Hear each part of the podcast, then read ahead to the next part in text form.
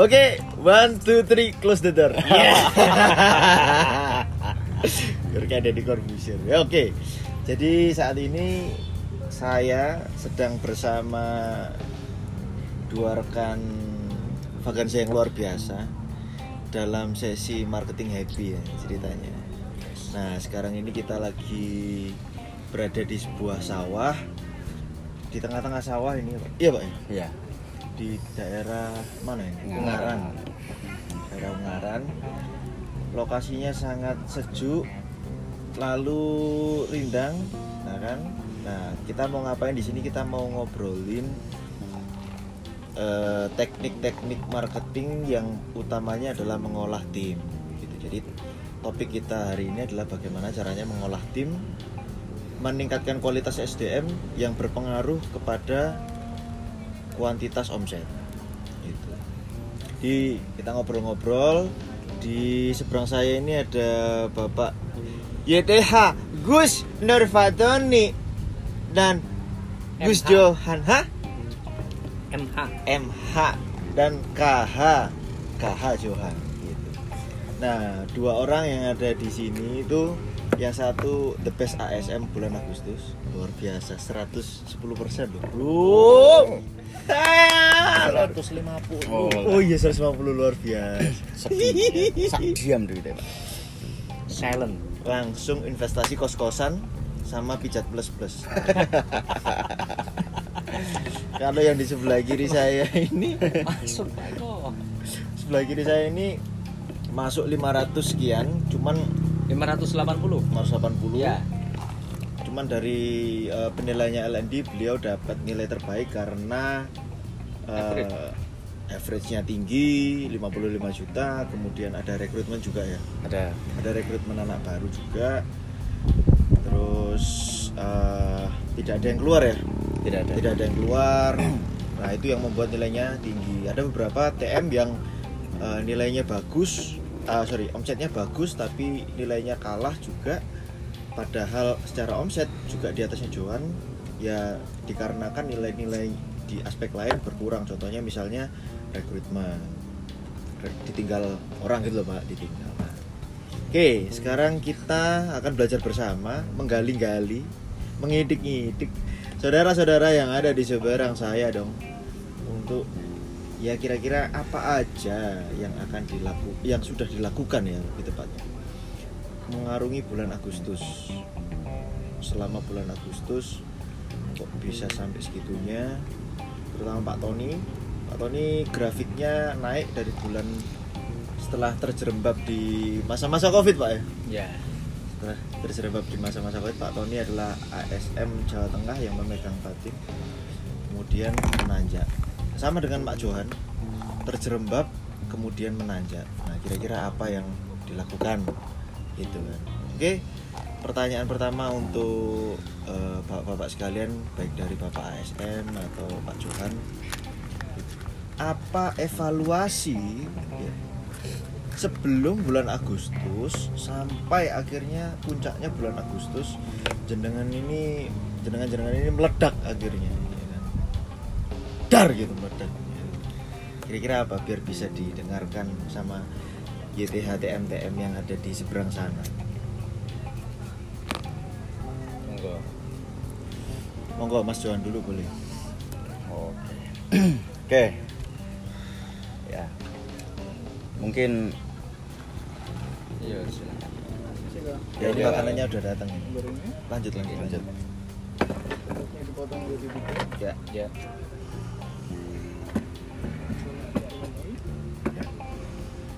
Lengkap semua Mas ya?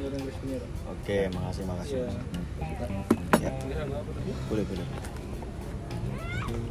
Ini ngobrol santai guys. Jadi kita ya, Ya, makasih ya. mas. Oke, Pak Bian boleh diulangi pertanyaan boleh. yang terakhir tadi? yang diulangi. Sebentar. sambil selfie dulu. Sambil selfie dulu. Siap. Oke. Pertanyaannya adalah evaluasinya apa? Selama bulan sebelum bulan Agustus sampai akhirnya di bulan Agustus ini bisa menerjang halangan rintangan seperti kerasakti ya kan? luar biasa ini kalau bahasa sepak bolanya coming from behind ya coming from behind gitu nggak kelihatan tahu-tahu ada di sana di puncak Nih, Gimana gimana? Di luar prediksi LND jujur saja. Di luar prediksi LND. Jadi underdog ya. Wah, ya, underdog. underdog mentality. Lanjut. Ya gini Pak Pian. Ya mungkin ya saya juga tidak menyangka. Yang saya tahu adalah satu apa pun arahan dari atasan saat itu memang ya saya lakukan. Ya saya selalu meminta untuk dievaluasi setiap harinya karena apa? Saya tahu saya sedang mera- saya, saya sedang sakit ini. Oke. Ya, untuk evaluasi sebelum Agustus yang jelas ya saya bulan November sebelum Desember itu hampir 5 6, 5 sampai 6 bulan itu angka selalu di atas target normatif 100 ju- 100%. Ya. Tetapi ya mulai di Desember ini progres saya menurun. 2019 ya? 19 ya menurun saya mulai terasa harus ada pembaruan artinya pembaruan strategi ataupun pembaruan ya formasi atau manpower kalau istilah sekarang yang dipakai ini eh, upgrading Iya. ya harus ada upgrading saya sudah merasa tapi ya memang kebetulan momen-momen saat itu semua sedang disibukkan oleh amanah masing-masing ya akhirnya ya mau gak mau memang harus memanage waktu begitu Iya. ya memang sangat terbatas waktu saya sama Pak Tony dan dengan pendamping saya saat itu koordinator ya hingga akhirnya memang yang saya khawatirkan terjadi sebenarnya di bulan Januari, Februari, Maret ujungnya di Maret Iya, iya. Ya. Covid ya, ujung-ujung ya Covid. tim dari semula saya awal perpindahan ke Kabupaten Pati 17 orang. Hingga akhirnya tinggal tersisa kurang lebih sekitar 9 orang saat itu. Ya. ya. Maret seingat saya kalau nggak salah Maret atau April akhirnya Pak Muji berkunjung ke Pati ya Pak? Iya. berkunjung ke Pati dengan ya saya juga tidak pernah terfikirkan sebelumnya apa yang akan disampaikan Pak Muji ke saya. Yang jelas saya itu Pak Muji yang mencoba menggali keyakinan saya ya selama masa terpuruk saat itu ya yang saya tahu ya cuman satu perjalanan saya belum selesai saya saat ini gagal tapi kegagalan ini merupakan bentuk tabungan saya investasi saya investasi waktu pengalaman saya Ya. yang nantinya akan saya panen di suatu saat nanti Ya. ya beberapa mantan TM sempat menghubungi saya Hmm. ya harapan saya oh saya dihubungi senior saya mantan loh ya ini. Ah. keranda kutipnya mantan. Itu ada motivasi lebih. Ternyata justru ketika saya berpikir jernih omongan-omongan ya disampaikan menjerumuskan saya. Ya akhirnya ya saya pun Oke. mempunyai kesimpulan oh saya harus berjuang. Jangan terbawa arus. Mereka orang gagal. Mau nggak percaya nggak percaya atau mungkin faktanya memang mereka Jadi itu gagal. jadi mantan TM-nya lagi jadi promotor atau gimana? ada mantan TM yang sudah keluar mencoba ya kita menjalin kontak lah Oke. Ya, ter- tapi ya justru malah obrolan itu kan tidak ada ya justru malah cenderung melemahkan memang Ya. ya ya ya lanjut cerita memang habis mas promotor saat itu habis ditempati tinggal dari tujuh tinggal sisa sembilan sembilan orang pun memang kategorinya Sisi dari berapa? 17 Oh, dari 17. jadi sembilan sembilan orang 8 hilang. yang saya rasa saat itu memang produktivitasnya juga kurang Hmm. ya saya kerja lebih keras tetapi hasil Bulan apa itu? itu bulan Februari sampai Maret akhirnya saya memutuskan pindah ke Pati awal Maret Februari Eh. kamu nggak target kalau nggak salah. Jan Desember Januari Februari tidak target akhirnya Maret geser ke wilayah Tayu ya di Tayu baru enjoy satu bulan penggarapan ternyata promotor semakin mengerucut lagi. Karena memang kondisinya ya tingkat kepercayaan diri sudah mulai melemah. Tinggal berapa itu? itu sisa tinggal 7 Ya. 7 promotor. Ya saya selalu komunikasi dengan Pak Tony. Ya Pak Tony tolonglah main ke sini. Saat itu memang itu yang saya sampaikan yang sering saya sampaikan. Ya bahkan saya sampaikan ke Pak Tony juga. Saya butuh obat Pak. Promotor sakit TM yang mengobati saya ini sedang sakit saya butuh obat dari siapa dari atasan saya Adit ya. Iya, akhirnya Pak Tony ber- ya berkunjung. Saya tidak tahu setelah itu Pak Tony tidak lanjutnya seperti apa. Kurang lebih satu bulan setelah Pak Tony kunjungan ke wilayah Kecamatan Tayu, Kabupaten Pati, memang Pak. Muji akhirnya berkunjung. Ya, Pak Muji berkunjung. Apa? Korek-korek. Ya, banyaklah ada komitmen-komitmen yang tersampaikan. Yang jelas saat itu ya ada satu jalan keluar yang sebelumnya memang saya tidak pernah terpikirkan Apa itu? ya saya ditawari sebuah tantangan nih ya penggarapan di wilayah Ungaran tujuannya salah satunya memang untuk mengembalikan percaya diri ya mengembalikan tingkat kepercayaan diri dari Karena Ungaran gembu. Ya. Area area empuk ya. dan satu lagi kan memang saya dulunya terlahir tim ini terakhir di Pati Oh. kembali ke Pati itu setelah kurang lebih baru tiga bulan angsuran selesai. Nah, ya tidak berbicara wilayah Pati seperti Ya, apa ya, tapi ya, yang jelas memang promotor yang sama penggarapan yang sama Titik jenuh ya itu. ya? titik jenuhnya ya didapatkan memang Apalagi Surabaya. iya nah Titik jenuhnya. Hah? akhirnya ya dikumpulkan semua promotor sisa saat itu saya punya satu promotor training dari 7 berarti 8 orang plus satu promotor training sama Pak Muji di rumah makan ya promotor semangat berani berkomitmen dengan sebuah ya ada hitam di atas putih tanda tangan komitmen. Ketika nanti kita perpindahan ke suatu wilayah yang terbukti potensi apa yang dikomitmenkan komitmen mereka tentunya etos kerja yang tinggi mulai dari kuantitas ataupun Ya. kualitas mau di upgrade ya akhirnya pindah ke sini pindah ke Ungaran. Ya yang saya tahu saya ke Ungaran mas. Di luar perkiraan saya juga ternyata promotor saya yang dari semula 8 ketika saya perbedaan ke Ungaran tinggal sisa sekitar empat orang. Empat orang memang saat itu. Di Ungaran digarap empat orang. pertama pindah ke sini empat orang.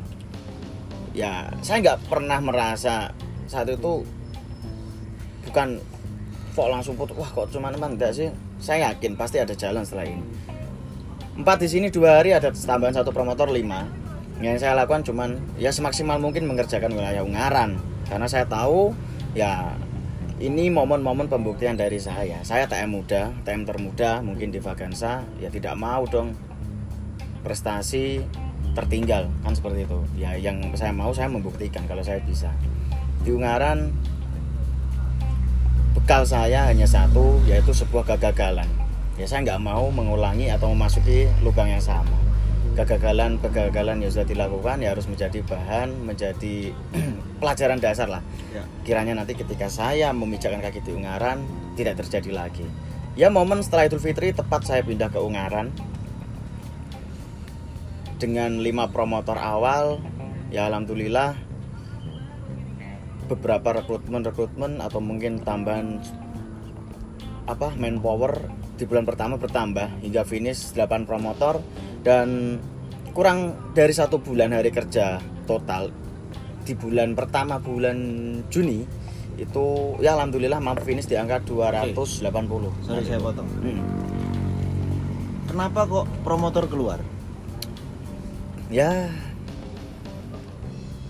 Evaluasi dari ente kalau dulu. gini, selama dari Purwodadi, terutama di Pati karena Ya, ya. keluar terbanyak persentasenya ada di Pati. Why?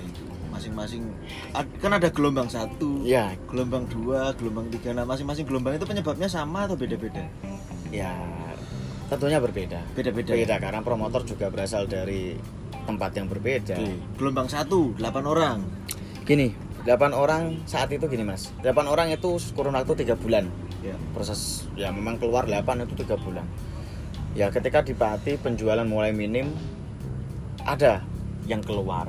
Ya mungkin karena mungkin orang ini memang sebelumnya tidak produktif. Yang gelombang satu saya ingat orang yang keluar saya masih ingat itu. Memang dari Purwodadi pun memang sudah tidak produktif. Ya. Di- ditambah di Pati wilayahnya yang dia tahu saat itu kan penggarapan kita memang angkanya berkurang. Ya momen ini keluar. Terus sedang metu lah iso. Iya, setelah itu keluar lagi ya memang ya saya pernah kok bicara sama Pak Tony memang untuk memimpin orang yang fresh mungkin dari latar belakang yang kita tidak mengenali dengan orang yang kita kenali ataupun saudara itu berbeda ya problema saya saat itu itu yang saya pimpin itu teman bahkan beberapa ada yang masih saudara nah ya memang itu susah itu. tapi sudah ada tujuan memang Angel. saya saat itu sudah punya pikiran orang-orang ini ya perlahan memang harus saya ya minimal jangan ditempati kalau saya mau berkembang Ya. saya konsul lagi Pak Tony ternyata benar ya gelombang kedua itu orang yang keluar Oh. nah gelombang ketiga orang yang keluar ya memang jelas orang yang tidak siap untuk saya ajak lari ya memang saya tidak mendekati atau mau saya tarik saya tinggal tinggal empat orang gitu. akhirnya tinggal empat orang yang di Gila, Ungaran gila, gila, gila. empat orang di Ungaran itu pun sekarang tinggal memang tersisa tiga Sisanya orang-orang baru semua ya. sisanya orang beberapa orang baru beberapa memang ada mungkin nafas lama Hmm. tapi di sini akan saya beri udara baru lah. Ya ya ya. ya. Oke. Kalau dari Pak Tony gimana Pak Tony? yang jelas ya perubahan Johan ini benar-benar mencolok ya artinya setelah perpindahan nah sebelumnya itu kita sudah memperkirakan Ya ya. sesuatu itu pasti akan terjadi karena kita sudah eh, membreakdown setiap promotor terkait dengan kualitas. Ya apalagi di situ yang mimpin adalah temannya sendiri. Nah, ini sudah saya ingatkan benar-benar ya, terkait hal itu dengan Pak Johan. Artinya setiap putusan arahan itu tidak langsung dikerjakan.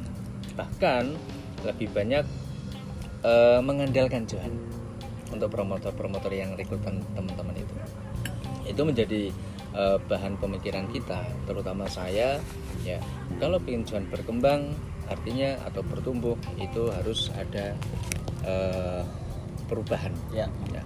perubahan yang dilakukan saat itu adalah satu harus mau mengganti orang-orang yang ada Ya ya. ya supaya apa saya lihat Johan ini kan cara menganalisa ini sedikit banyak sudah paham Pak. ya Pinter, terkait dengan pinter. olah area Ya. gitu ya tinggal diincas di upgradingnya ya kan dari situ Sorry upgradingnya ke Johan atau upgrading ke ke, ke Promotor. promotor, Ya. ya ke promotor awalnya di situ karena memang saya lihat kualitas daripada promotor eh, cenderung lemah Hmm. ya untuk secara kualitasnya ya akhirnya saya berpikir panjang dan kejadian saat itu pas kebetulan saya ada pembentukan TC pak Oh. Nah, jadi kenapa saya tidak banyak waktu ke Johan ini momen bagi saya yang kurang tepat. Ya. ya. Terus terang, di Padi kunjungan saya itu dibatasi, hanya kurang lebih sekitar tiga hari. Ingat Pak Johan ya, Karena tiga hari. sedang membangun TC. Iya. Tiga hari pun itu sudah banyak permintaan tuh harus kembali ke TC. Sering saya sampaikan Pak Johan, jadi permasalahan Pak Johan ini memang tidak bisa saya incas secara konstan terus menerus. Artinya saya harus duduk di sana, saya harus tinggal di sana de- sampai kesekian hari. Kenapa? Ya karena saya ada tanggung jawab yang memang sudah menjadi sebuah kesepakatan. Apa itu pembentukan TC? Akhirnya ya kita berpikir panjang. Ya bagaimana supaya Pak Johan itu bertumbuh? Karena saya lihat Pak Johan ini sudah mulai ada ada penurunan Ya. ya kepercayaan diri ya toh itu terutama Ya. ya karena melihat dari kondisi tim semakin eh, ke sini semakin berkurang Ya. dari 17 kurang de- eh, menjadi 8 ya kan ini kan luar biasa hantaman Ya. ya hantaman yang luar biasa bagi Pak Johan dan terakhir ya berpikir saya koordinasi dengan Pak Muji ya. Solusinya adalah satu. Nah, permintaan dari Pak Johan pengen refresh area. Nah kita pikirkan. Di saat itu area Semarang sudah penuh Ya, ya. ya kan? Hanya ada satu area Semarang Kabupaten. Di mana Atas area, ya? iya Ungaran. Ungaran. area Semarang Kabupaten ini sudah tidak disinggahi sama Pak Prasetyo Oh iya. ya kan? akhirnya kita berpikir oke lah ya untuk mereverse supaya tim ini bertumbuh ya saya mengajukan ke Pak eh, Muji untuk pindah ke tim Ungaran nah di tim Ungaran ini yang menjadi dilema lagi ya di saat kita sudah ada keputusan kesepakatan bahkan kita menjual area Ungar itu luar biasa kita jual sampai mereka itu berani komitmen yang awalnya mereka penjualan taruh hanya 25 juta kita jual sampai berani komitmen 45 juta itu kan hal yang luar biasa Ya. artinya dia mau mengupgrade diri Ya. kepercayaan diri luar biasa saya pasti bisa Ya. kenapa kok bisa karena tim yang dulu singgah di Ungaran ini tidak ada track record yang gagal Ya. Berhasil semua. Baik itu tim saya dulu waktu saya masih eh, TM Ya. dan saat ini saya melihat tim Prasetyo di sana itu juga booming luar biasa. Ya di situ saya menjual. Ya akhirnya saya menjual bareng sama Pak Muji bareng sama Pak eh, Johan. Nah mereka semangat. Pas kejadian itu ya tanpa disadari muncullah covid akhirnya sedikit banyak terganggu ya yang harusnya pindah cepat ya terganggu covid ditambah permasalahan di TC ya, Ya, ya, ya. Nah, eh, singkat cerita ya, saya bersama Pak Muji dan juga bersama eh, supervisor itu, Ya. ya, kita berpikir bahasanya ketika kita pindah pasca COVID, ya, lagi eh, marak-maraknya itu, ini keungar- keungaran, ini bagaimana nanti hasilnya? Ya. Karena tuh satu pak, karena di saat COVID itu ungaran menjadi trending topik. Ya. Oh. Suatu ya. trending topik di mana sampai menyebar nyebar lah Masih Perawat meninggal di dekat itu ya. orang meninggal tidak boleh dikubur di situ daerah Sosukan. Nah kita mikir lagi, Viral ya.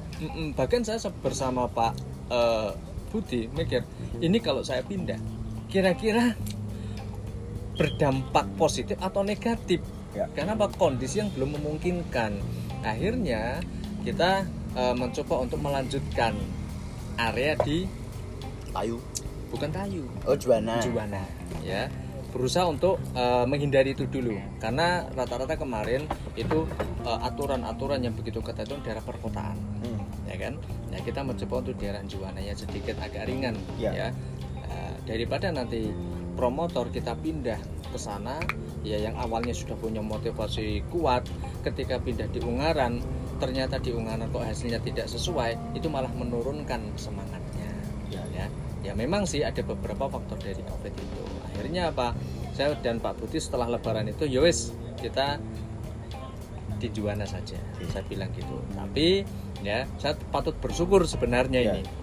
Karena ada instruksi. Ya, ya, ya. instruksi dari siapa? Yang pertama Bapak Mujianto. Yang kedua Bapak Arif. Oke. ya. Instruksi artinya tidak boleh melanjutkan di area Juwana dengan mempertimbangkan jumlah kuitansi yang ada di sana.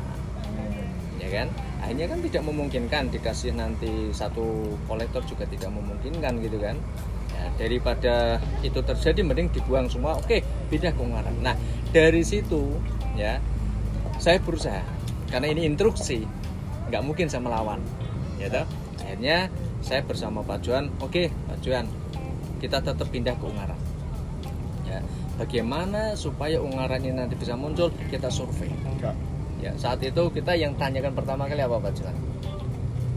Tentang COVID. Covid Pak. Marak atau sudah mereda? Aturan masih ketat atau sudah longgar? Ya. Ya, itu yang kita cari pertama kali. Gali datanya di situ. Hmm. Hanya kita masuk perkampungan-perkampungan, bahkan di kota sendiri, oh ternyata ada beberapa eh, area atau wilayah ya yang sudah agak longgar. Nah dari situ semangat luar biasa. Oke kita putuskan langsung cari base camp. Kurang lebih berapa hari itu Pak Johan? Empat hari ya? Ah, kita cari lebih, Pak. base camp. Lima, Lebih? Pak. Lima hari ya? Lima hari. lima hari cari camp Pak. mutar mutar nah ini ketemulah base camp setelah itu ya baru kita brainwash kembali nih promotor, Promotor, sisa empat pak saya eh, tapi saya sudah nggak nggak nggak berpikir ah nanti pasti nggak berhasil nggak karena apa sudah ada pemikiran Pak, nanti ada tambahan orang lagi Kalau tambahan orangnya dari mana? yang pertama karena TC ini kan sudah ada putusan tuh Oh Ya, ya, dari nah, situ. hanya kita di situ Dua orang. terus eh, kita Lewat sosmed juga enggak?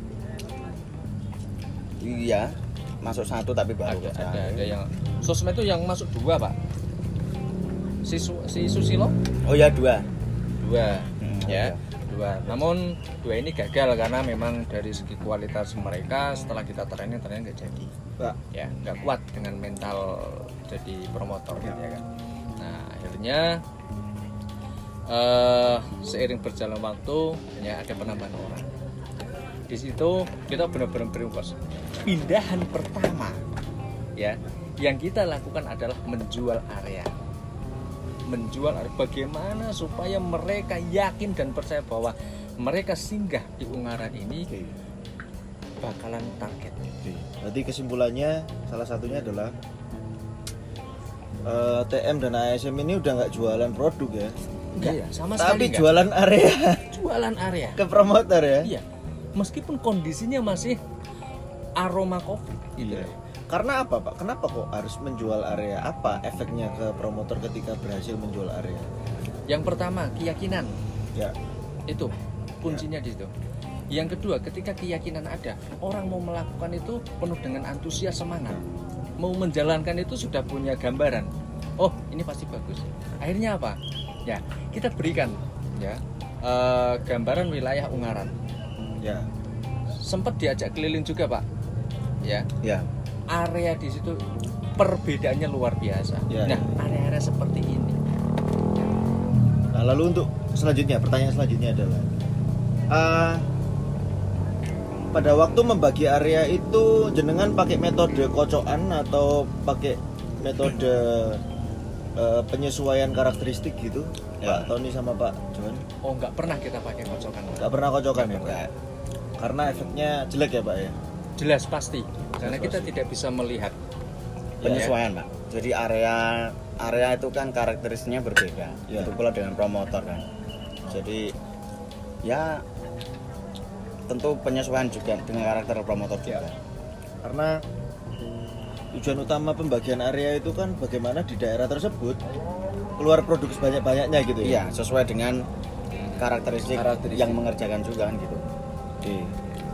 Karena kalau di Kopiok area tersebut dikerjakan oleh orang-orang yang nggak tepat malah eman-eman gitu kan ya. ya sama aja gitu akhirnya flat semua nanti Ya, ya, semua. ya. Ini yang yang kita pikirkan satu pak. Kita sudah menjual area, Ah, ya kan? Bagaimana supaya promotor ini nanti bisa demo, ya, ya, di luar dari aturan-aturan pemerintah. ya, Nah, kita siasati. Ya. Saat ini, ya, yang kita lihat adalah dari tingkat kelonggaran.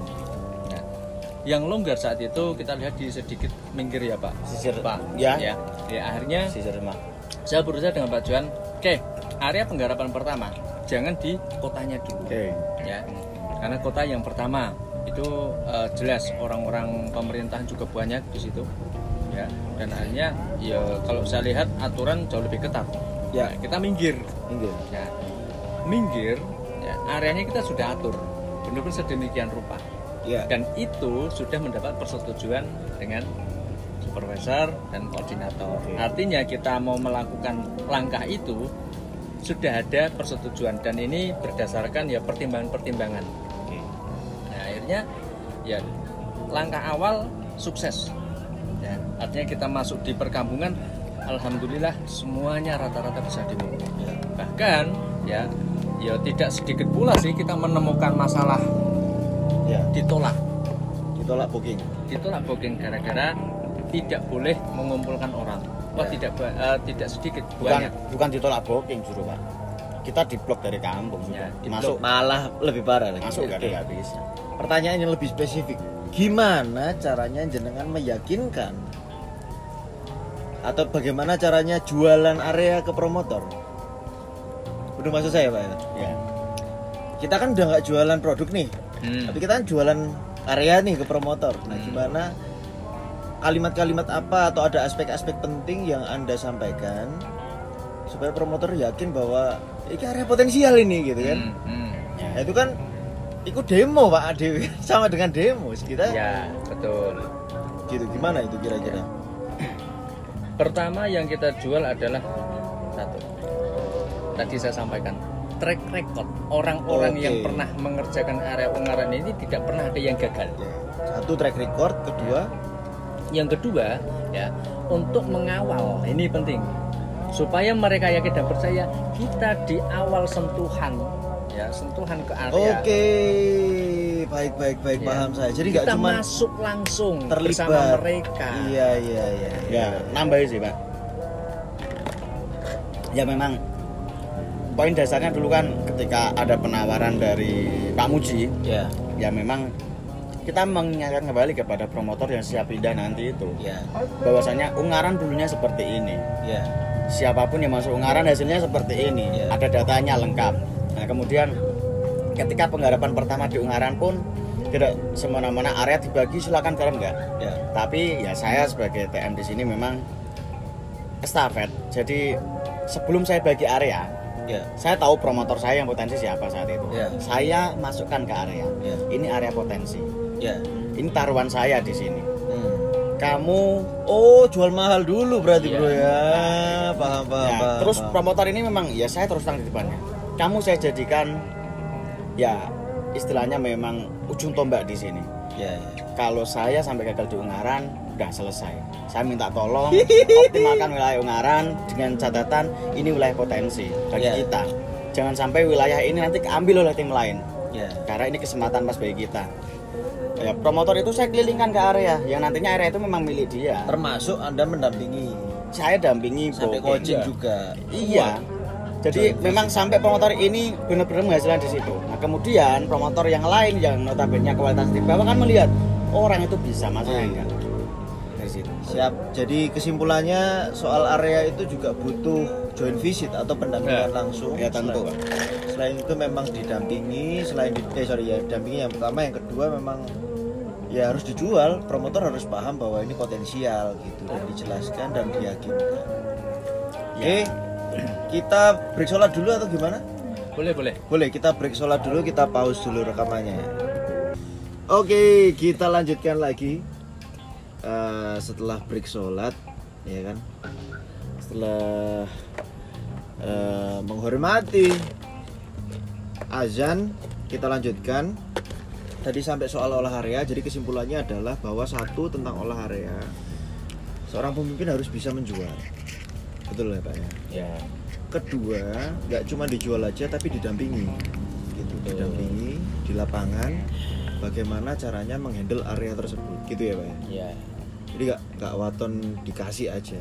Yang ketiga adalah nggak dikopiok jelas itu. Jelas. Haram bagi kami haram haram. Seperti babi bener Eh, bener tuh pak itu haram hukumnya untuk mengocok area Eh, lalu jelas tujuannya kenapa kok area tidak dikocok karena eh, untuk mengeluarkan produk sebanyak-banyaknya pak ya Ya. kelemahannya luar biasa banyak kalau dikocok Ya. Tuh. Lalu sekarang eh, geser kita bahas lagi soal proses upgrading.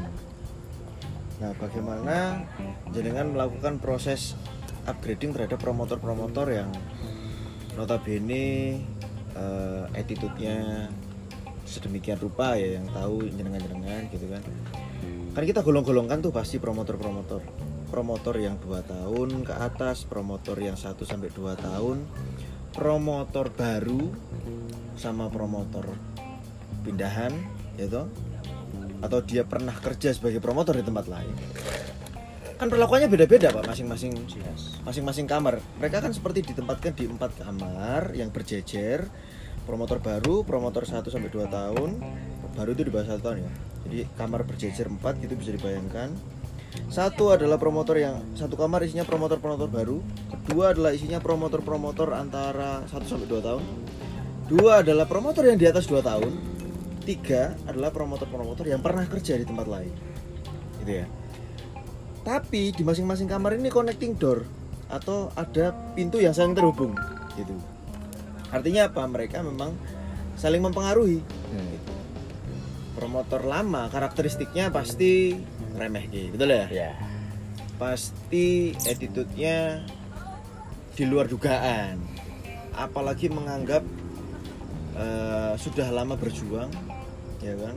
Sudah sudah bersama jenengan lama gitu. Nyepelek nyepelek ke lalu ada promotor yang pindahan atau pernah kerja di tempat lain.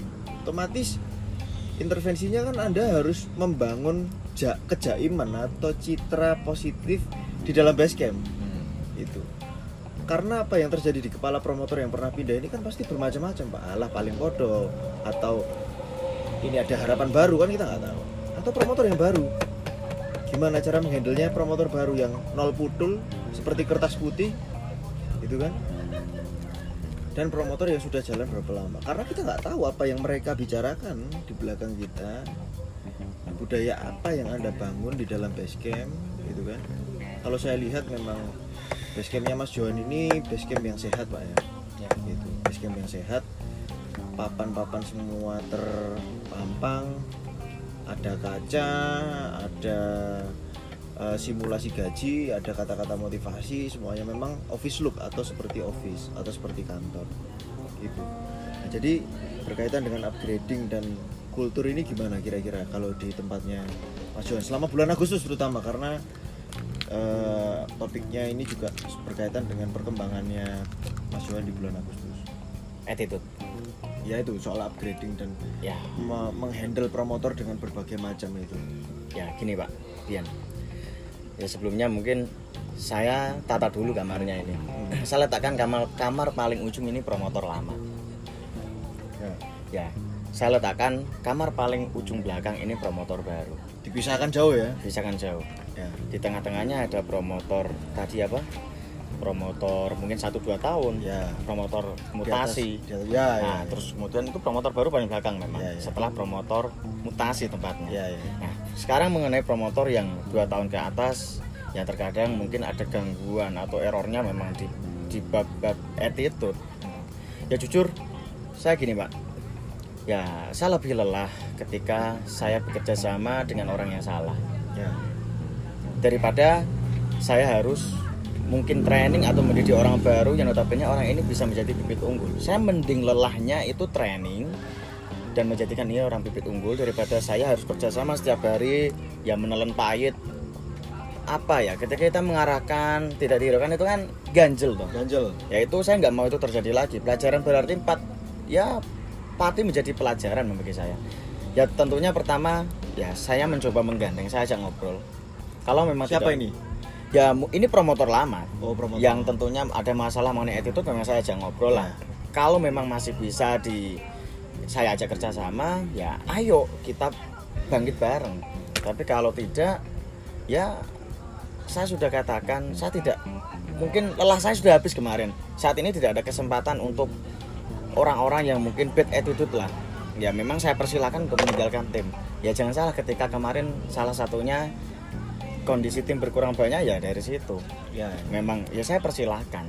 Saya tidak pernah ya istilah menggendoli orang gendoli wong wong sing ya memang attitude-nya jelek lah. Bermasalah intinya di situ. Ya akhirnya buang-buang aja ya? Ya ya masalah. Karena mereka juga tidak bisa respect ya saya juga. Saya masih punya masa depan di sini gitu kan. Kemudian setelah itu ada kamar yang diisi promotor 1 sampai 2 tahun. Tentunya di sini 1 2 tahun saya tahulah kualitasnya kan sudah mulai kelihatan. Ya kalau orang-orang ini ada potensi ya saya dorong terus. Kalau tidak saya kasih tantangan. Artinya ada jeda waktu.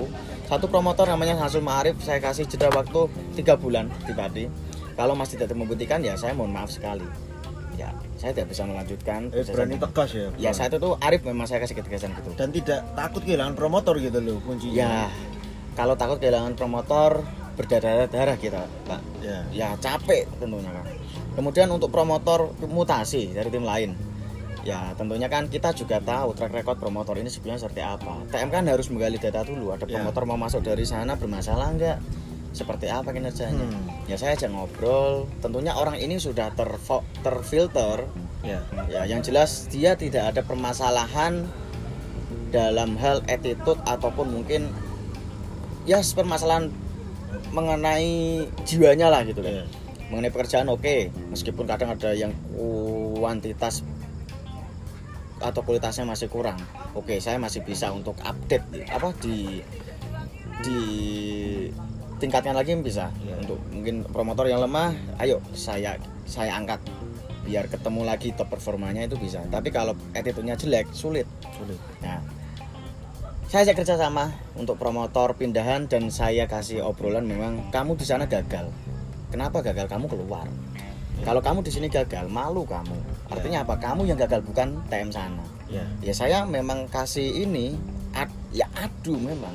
Buktikan kamu di sini berhasil agar apa? Yang malu bukan kamu tapi dia. ya karena jiwa sales itu isinya kompetisi Iya. kalau mau diadem-adem ya jangan Hmm. kerja di sales Nah, akhirnya ya siap-siap. ya ya ya Yang paling menonjol pertama memang ini promotor ya Fatkur Robi. ya Robi Robi Nah itu kan memang ada kekecewaan ya terutama dalam is itulah. Ya ya wes intinya itu ya. Akhirnya dia memang ayo Mas Robi bangkit yuk bangkit. Dan yang terakhir promotor baru. Kenapa kenapa promotor baru di belakang Mbak Bian? Ya tentunya gini ketika kita memasukkan promotor dalam kondisi tim yang tidak sehat percuma sia-sia promotor baru masuk ke dalam base camp. Kok ngene? Betul. Ora bayar. Kok kondisi ini base camp ngene? Kok wong-wongane ngene gak kerja? Iki opo kerjanya ya akhirnya ya kesimpulan dari situ saya sabar dulu untuk rekrutmen saat itu. Ya. Perlahan agar apa saya bisa membackup full ini. Ya supaya pintu tadi yang saling berhubungan saya paling tidak bisa melihat bisa mendengar. Ya ya. Ya secepat mungkin saya membendung ketika ada yang mungkin kurang sesuai. Ya dari alhamdulillah selama Agustus ini empat kamar ini akhirnya bisa saya jadikan satu kamar dan alhamdulillahnya bisa saya ajak kerjasama saya ajak lari bareng. Oke. Ya ada promotor yang mungkin saat ini kualitasnya masih rendah tetapi ketika saya ajak ya purpose meeting diskusi berdua empat mata masih ada gairah. Aku penasaran pak mosok wong iku iso aku kok ora? Aku kepiye kudune ya. Aku dibantu ya bener memang dia sampaikan dan mau saya rubah bersedia ya saat ini memang fokus saya salah satunya di promotor tersebut. Ya. Itu dan untuk Agustus ya mungkin jadi fokus pendampingan upgrading itu di orang-orang yang memang nggak target gitu ya pak? Ya? ya belum tentu belum tentu juga belum tentu. Oke oke. Gimana itu? Ya itu masuk dalam kategori pak. Tentunya kita prioritasnya ada di orang itu. Ya. Tapi ya kita juga terkadang kan ada promotor yang mungkin bisa kita, kita jadikan tangan kanan ya itu juga menjadi fokus kadang. Kita dekati secara emosional. Ya. Ya kemarin saya masih ingat satu. Pak Tony saya yang ngobrol berdua. Ada satu yang saya tangkap gini Pak. Terkadang kan ya saya tangkap juga saya rasakan. Ketika ada permasalahan dalam tim promotor jualan bagus pun kalau ada masalah kan pasti terlihat ini. Ya. Dulu pemikiran saya lah ketika mungkin belum belum mau untuk berpikir lebih keras promotor bermasalah hanya dalam konteks pekerjaan saja ini. Ternyata wah mesti area aneh tok. Solusi saya hanya mengenai area area area. Area nah saat ini itu saya jadikan pelajaran. Aku biar jadi pro- promotor ono masalah ning omah demoku elek. Betul. Saya terapkan di sini saya dekati. Promotor jualan bagus kalau memang kelihatan kok tembus biasa wae.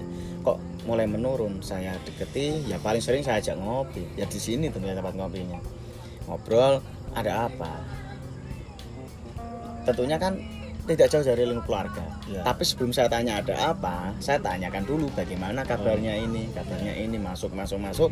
Pemanasan lah. Pemanasan ketemu ini. Tes. Nah dari situ saya mencoba lebih dekat lagi dengan promotor. Ya ketika promotor sudah merasa nyaman dia akan bercerita. Dan ketika dia bercerita ya setidaknya kan ada tempat wadah untuk dia bercerita. Oke oke. Sedikit banyak mungkin saya bisalah memberi saran. Akhirnya apa? Ada emosi yang terluapkan. Mungkin masalah dari 150 bisa dia bendung akhirnya apa sih pak? Ya. Mulai naik lagi. Ini. Ya yang jelas kenapa Agustus bisa seperti ini? Bukan hanya dalam segi pengolahan area dan lain-lain tapi yang jelas pendekatan emosional. Karena tidak semua permasalahan promotor itu hanya dari lingkup kerja. ya. Ten- justru yang paling banyak adalah dari faktor permasalahan pribadi atau dari keluarga. Jadi Pak Johan ini melaksanakan arahan atau masukan yang diberikan oleh Pak Tony terkait dengan hal-hal penting atau peran menjadi seorang TM.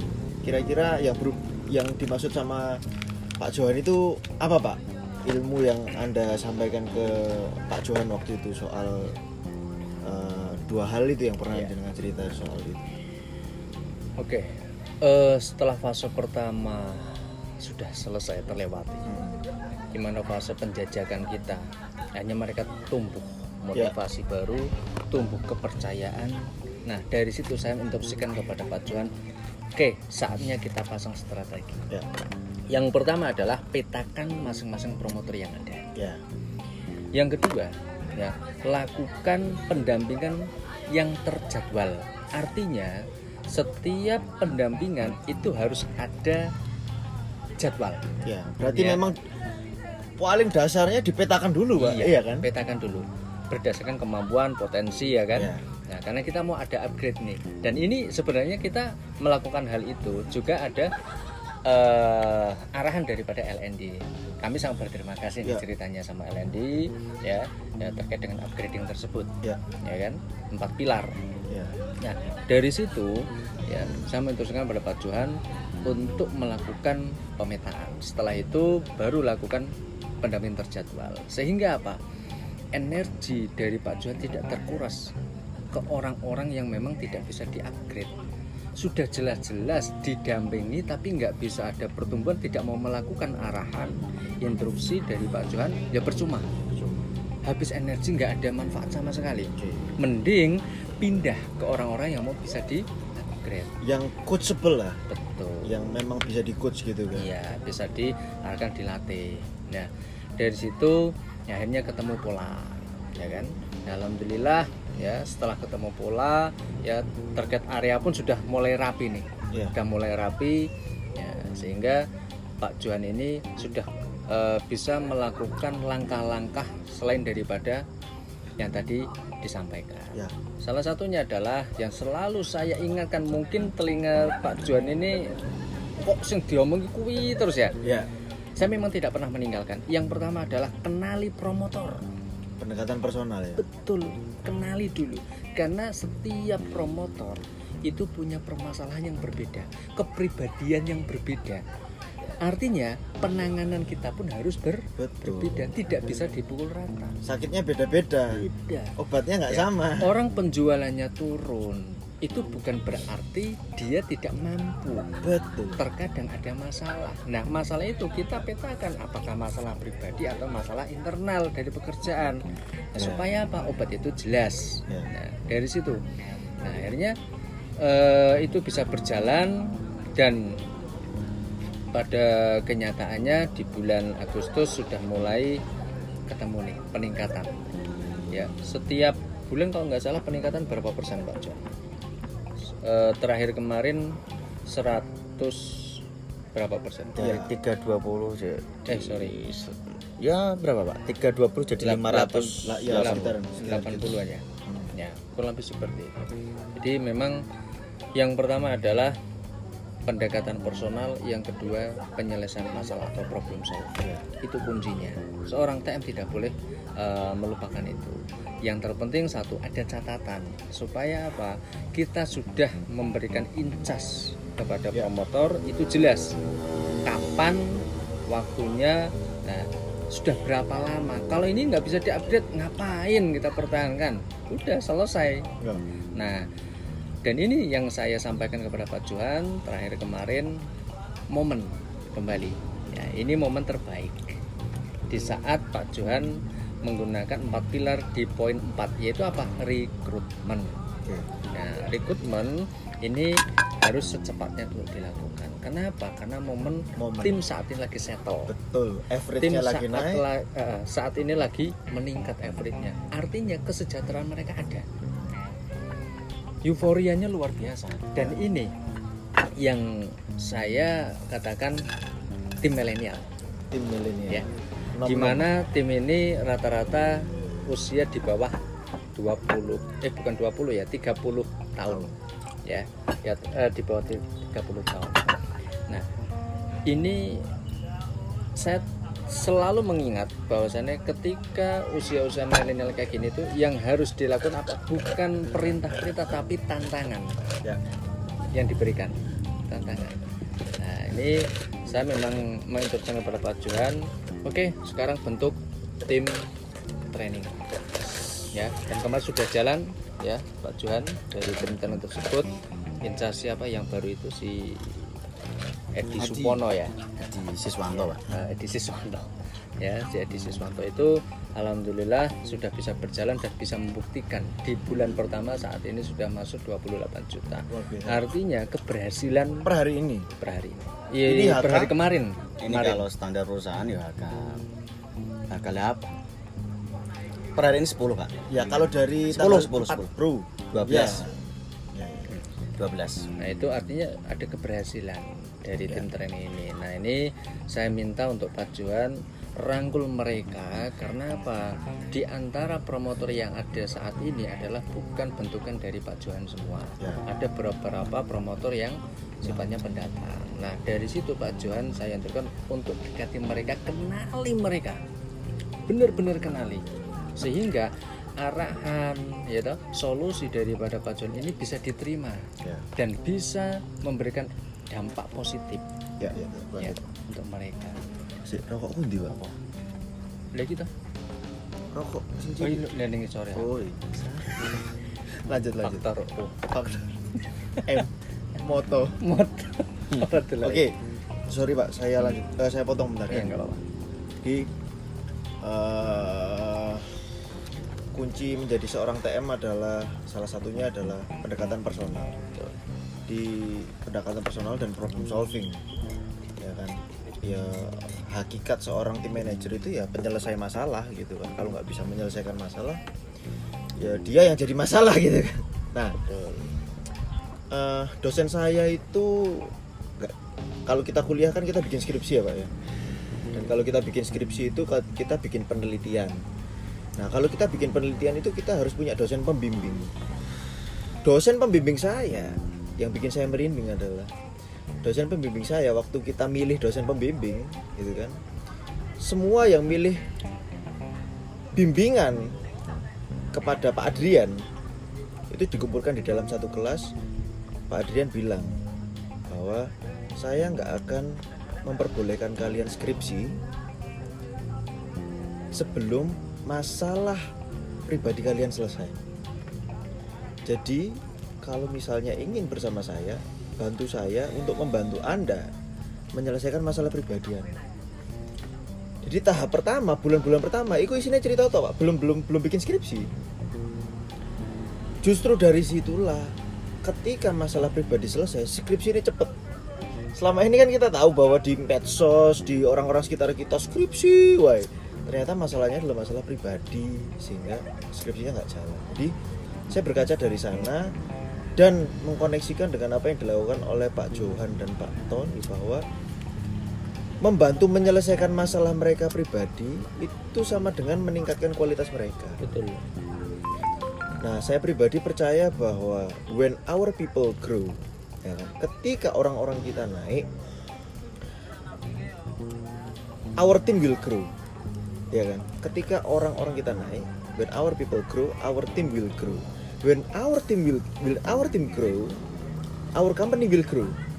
Nah, ketika tim-tim ini berkembang, perusahaan kita perusahaan berkembang lah. Apa untungnya perusahaan berkembang? Ayo coba. Menurutmu?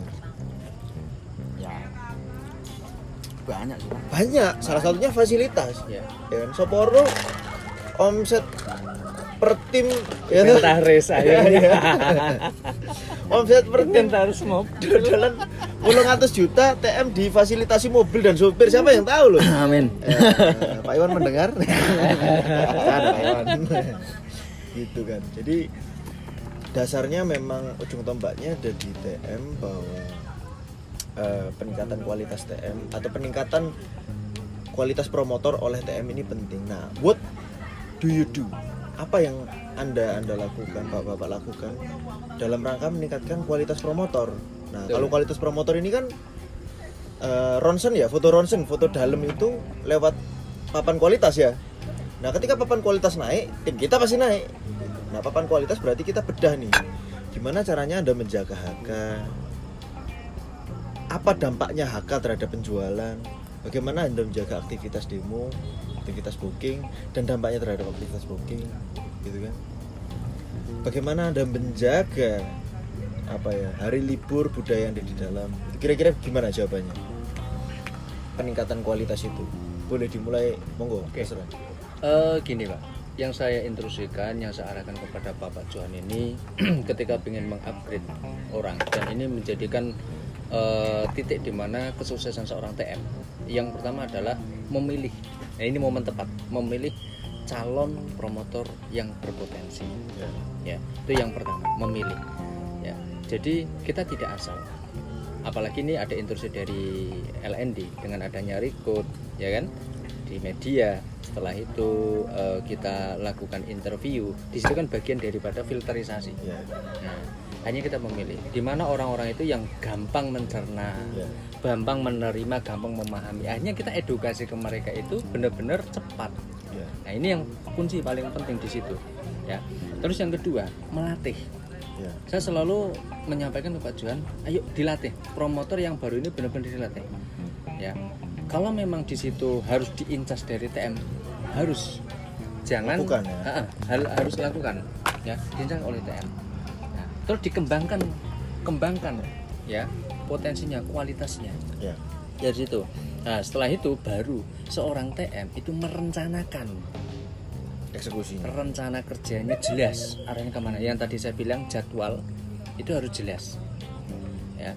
Apalagi sekarang didukung dengan RKB setiap bulan. Ini penting sekali karena itu menjadi barometer atau menjadi dasar di mana kita mau melakukan apa jelas. Oke. ya ya setelah itu kalau yang saya eh, arahkan lagi nah tidak kalah penting adalah fungsi kontrol. Tidak bisa kita eh, melepas begitu saja tanpa kontrol nggak bisa. Seorang TM ya harus berada di antara mereka. Ya kontrol ini pentingnya luar biasa. Ya setelah kontrol otomatis kita bisa mengetahui titik lemahnya mana yang harus kita segera selesaikan. Karena ketika kita lepas kontrol kita tidak tahu permasalahan yang ada sehingga permasalahan itu terakumulasi. Ya. nah ketika masalah terakumulasi yang repot adalah TM mau menyelesaikan masalah yang mana dulu Ya. sudah terlanjur sakit parah. Ya. sehingga apa? TM kebanyakan ketika sudah terakumulasi seperti itu pasrah. Pasrah. pasrah. Ya ketika sudah pasrah sudah.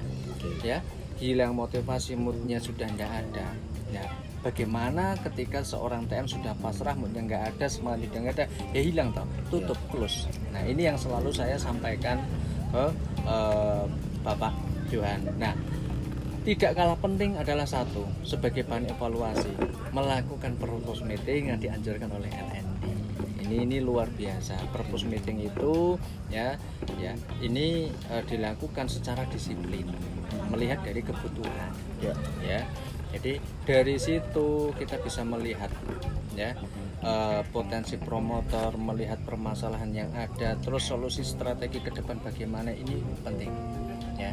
Nah setelahnya baru ya tetap tidak boleh ditinggalkan karena ini kaitannya dengan olah area. Kita harus ada koordinasi dengan antar departemen. UPS ya. antar departemen ini memang harus dilakukan ya. Karena apa?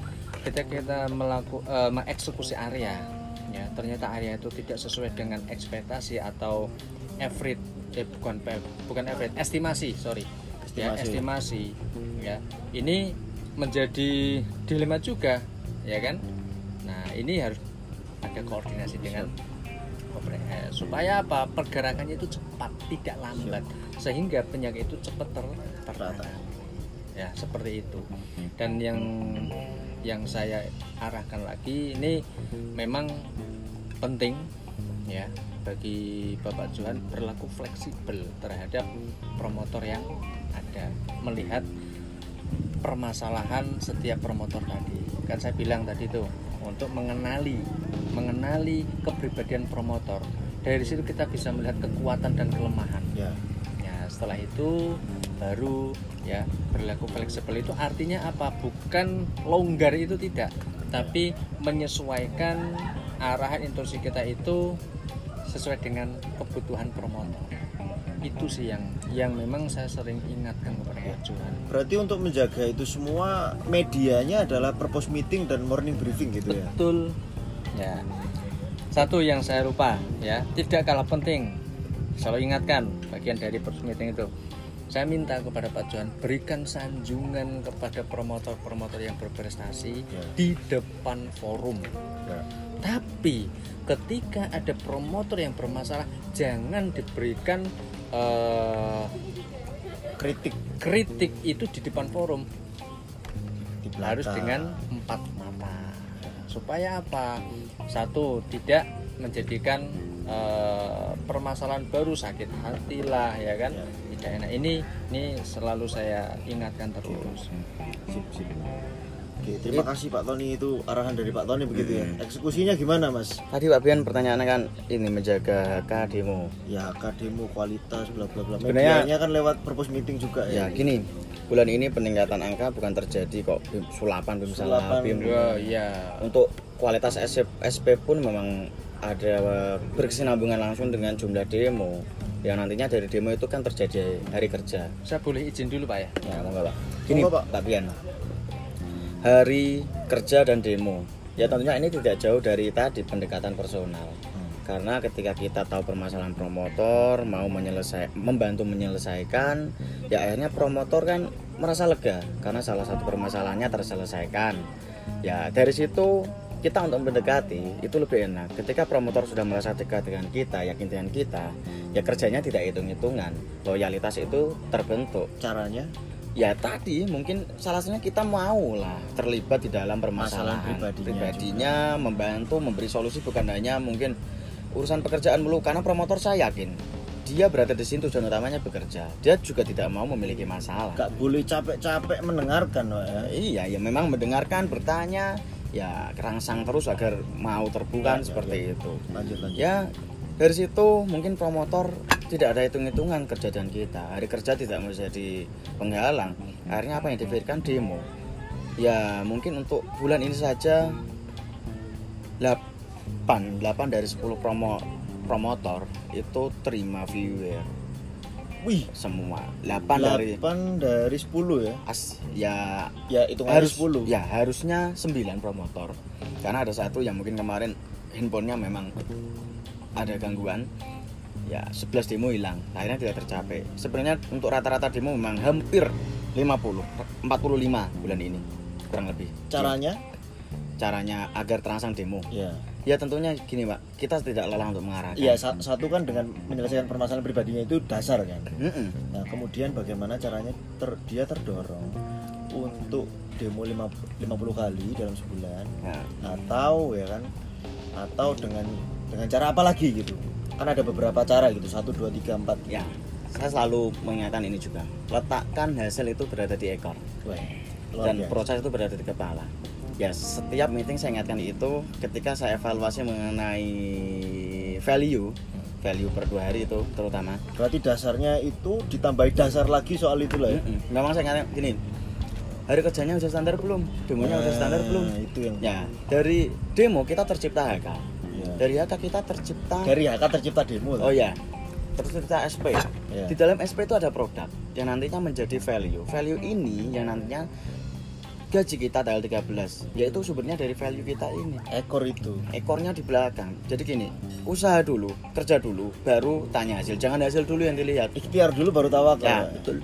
Ya intinya memang paling penting ada di pendekatan personal pak. Oke. dari situ promotor tidak akan hitung-hitungan. Wah aku kerja kok ini enggak. Dan satu ya semua kan dari kata-kata diarahkan. Kalau promotor saja mungkin sudah merasa tidak nyaman dengan atasan arahan tidak akan didengarkan di situ bang Untuk menjaga HK ya kan untuk menjaga HK, menjaga demo, menjaga kualitas perkembangan kualitas. Berarti kan satu dengan menyelesai membantu menyelesaikan permasalahan pribadinya dia. ya Kedua, jadi kamu nggak asal ini ya, nggak asal ayo HK full HK full, tapi kamu ikut bantu gitu kan. ya iya nggak konsultasi, konsing usul, konsing atasi gitu ya.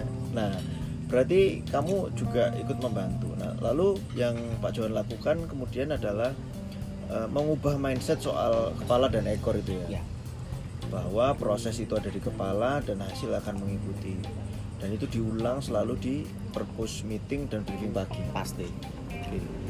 Terus apa ada lagi teknik untuk menjaga kedisiplinan budaya gitu. Terutama kan anak-anak muda semua ini ya anak-anak muda gini pak ya jangan sampai mereka terjadi kekecewaan lah ya. mengenai area dan mungkin juga mengenai pelayanan kita terhadap mereka.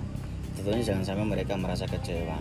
Ya saya melakukan hal yang intinya itu akan saya putar terus mengenai ya konsistensi saya melakukan hal itu. Satu ya purpose meeting itu akan selalu saya lakukan. Berapa minggu sekali? Ya tidak ada hitungan. Setiap hari pun saya bisa. Sak feelingnya ya?